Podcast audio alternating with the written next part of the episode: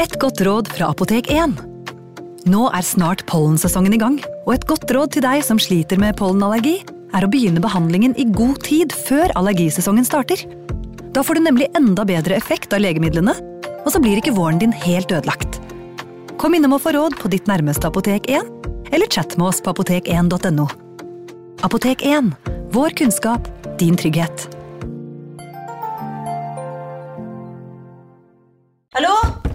Oslo politikammer. Ine Jansen er purk. Er du purk? The motherfucking bitch. Alt jeg vil, er å finne ut hva som skjedde med mannen min. Jon Carew. Er jeg sikta for noe? Iben Akeli. Det er du. Ole So, Lars Berrum og Big Daddy Karsten. Hvem sin side er du på, egentlig? Anette Hoff, Tone Danielsen, Kommer du fra Afrika? Jørnis Josef, Nesten kløfta. Trond Espen Seim, Det er synd å si det, men det var feil mann som døde. Purk. Premiere tirsdag på TV2 Play.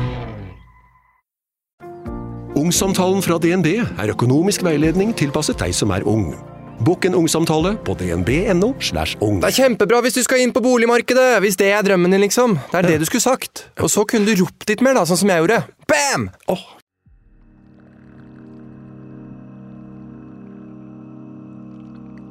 Første gang jeg tok nattbussen var en ren tilfeldighet, men jeg hadde selvfølgelig hørt historiene allerede. Jeg kommer fra et lite sted der alle er opptatt av vandrehistorier. Det skjer nesten aldri noe spennende her, som sannsynligvis har bidratt til å forsterke denne fascinasjonen for skrøner. Barna blir stort sett overlatt i seg selv og er nødt til å bruke fantasien for å rømme fra kjedsomheten. Jeg og vennene mine ble i hvert fall helt besatt av skumle vandrehistorier. Det begynte med ulike fortellinger som det ble hvisket om i skolegården, men etter hvert fant vi nye historier i merkelige nettforum. Dette ble vår kilde til underholdning, og vi ble både skremt og oppspilt hver gang vi fant en ny historie. På den tiden var jeg fremdeles ganske naiv og godtroende. Vennene mine var langt mer skeptiske, men jeg trodde faktisk på alle fortellingene. Enten det var haikere som forsvant, overnaturlige skapninger eller hjemsøkte hus, slukte jeg alt med like stor entusiasme. Sammen med vennene mine utforsket jeg hele byen i et forsøk på å komme til bunns i alle historiene. Jeg håpet alltid å få et lite glimt av noe overnaturlig eller uforklarlig. Til min store skuffelse fant vi aldri noe. Vi så aldri spøkelser, monstre eller andre grusomme skikkelser. Etter hvert ble jeg også en skeptiker, og følte at jeg bare kastet bort tiden min på tull og tøys. Den siste bussen var en av de lokale historiene som jeg hørte gjennom hele oppveksten. Da jeg var liten hadde jeg selvfølgelig trodd på denne, men etter hvert begynte jeg å tvile. Nå vet jeg riktignok bedre. Den siste bussen ut av byen går kvart på tolv på kvelden, og alle fornuftige mennesker som vil komme seg trygt hjem, tar denne bussen. Alle pubene og utestedene stenger klokken ett, og med dette strømmer et hav av berusede mennesker ut i gatene. De slåss om taxiene og stiller seg i kø utenfor kebabsjappene.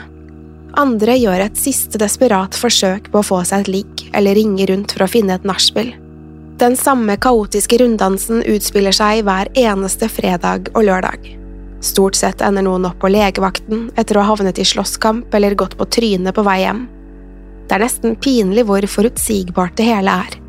Etter en liten stund kommer politibilene og ambulansene, og folkehavet begynner sakte, men sikkert å bryte seg opp. Støyet dør ut og etterlater seg en nesten ubehagelig stillhet i de mørke gatene. Så, når alle natteranglerne har funnet veien hjem, er det kun de mest sårbare i samfunnet igjen. Uteliggerne finner en tørr plass for natten og håper de får lov til å sove i fred. Men de er ikke alene. Gjennom gatene vandrer også rovdyrene, som vi alle har blitt advart mot. Kriminelle gjenger som er på leting etter mennesker de kan utnytte. I skyggene lurer også andre farer, udyr som vil tilfredsstille sine primale behov. På mandagene skriver avisen om alt det forferdelige som har skjedd i løpet av helgen. En hjemløs mann slått helseløs, og en ung kvinne overfalt av en ukjent mann. Historiene er alltid helt like. Politiet etterforsker hendelsen, kanskje de arresterer noen, men stort sett blir saken henlagt. Man sitter der med sympati for ofrene, men føler seg likevel lettet fordi det ikke var noen man kjente. I alle disse sakene er det vanlige mennesker som står bak forbrytelsene. Jeg begynte etter hvert å tenke på at det er vi som er de verste monstrene. Jeg tenkte at mennesker var det eneste å frykte når mørket falt over byen. Men nå vet jeg at dette ikke stemmer. Sannheten er at det lusker langt verre ting der ute i skyggene. Jeg var 21 år første gang jeg tok nattbussen. Det hadde vært en vanskelig periode, og jeg hadde akkurat blitt dumpet av kjæresten min. Vi passet ikke særlig godt sammen, men jeg ble likevel fullstendig knust. Etter hvert forvandlet sorgen seg til et voldsomt raseri. Vennene mine forsøkte å muntre meg opp ved å ta meg med på byen. Det var en god idé, men det gjorde bare vondt verre. Jeg drakk selvfølgelig altfor mye og gikk fra øl til shots til ren sprit. Vi dro på et utested hvor jeg gjorde flere mislykkede forsøk på å sjekke opp damer. Som om ikke det var nok, begynte jeg snart å slåss med bestevennen min. Jeg plantet knyttneven i ansiktet hans før jeg ble kastet ut av dørvakten. Dum og beruset begynte jeg å vandre alene gjennom gatene.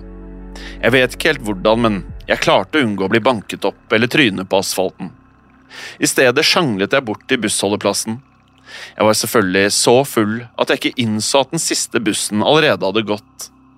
Neste buss skulle ikke gå før tidlig neste morgen. Til slutt la jeg hodet ned på benken og lukket øynene.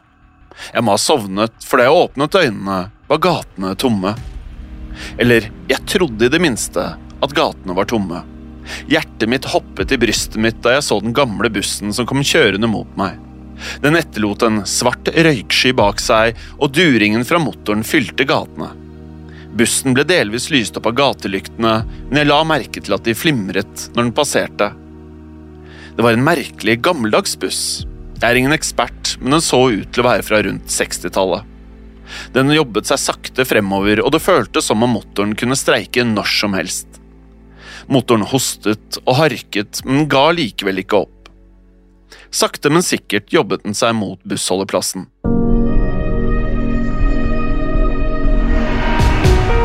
Resten av denne episoden kan du høre i Untold.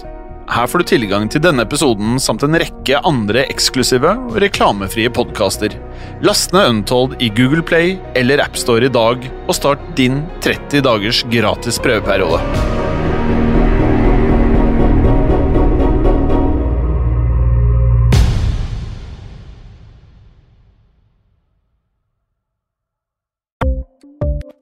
Ukens annonsør er Folio, en smartere banktjeneste for deg som har en egen bedrift eller ønsker å starte for deg selv.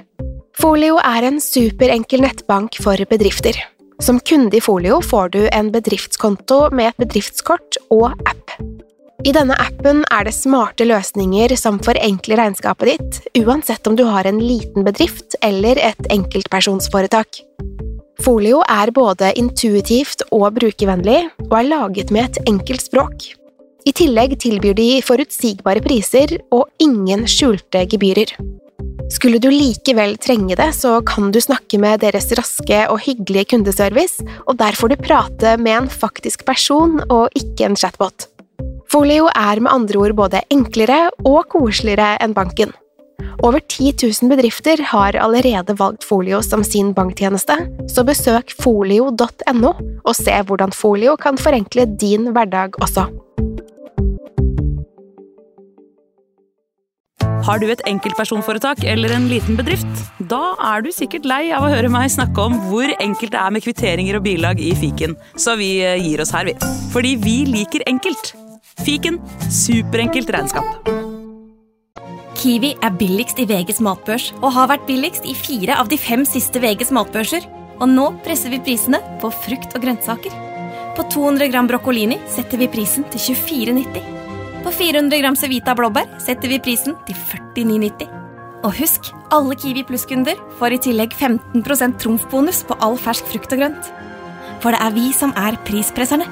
Og vi i Kiwi gir oss aldri på pris.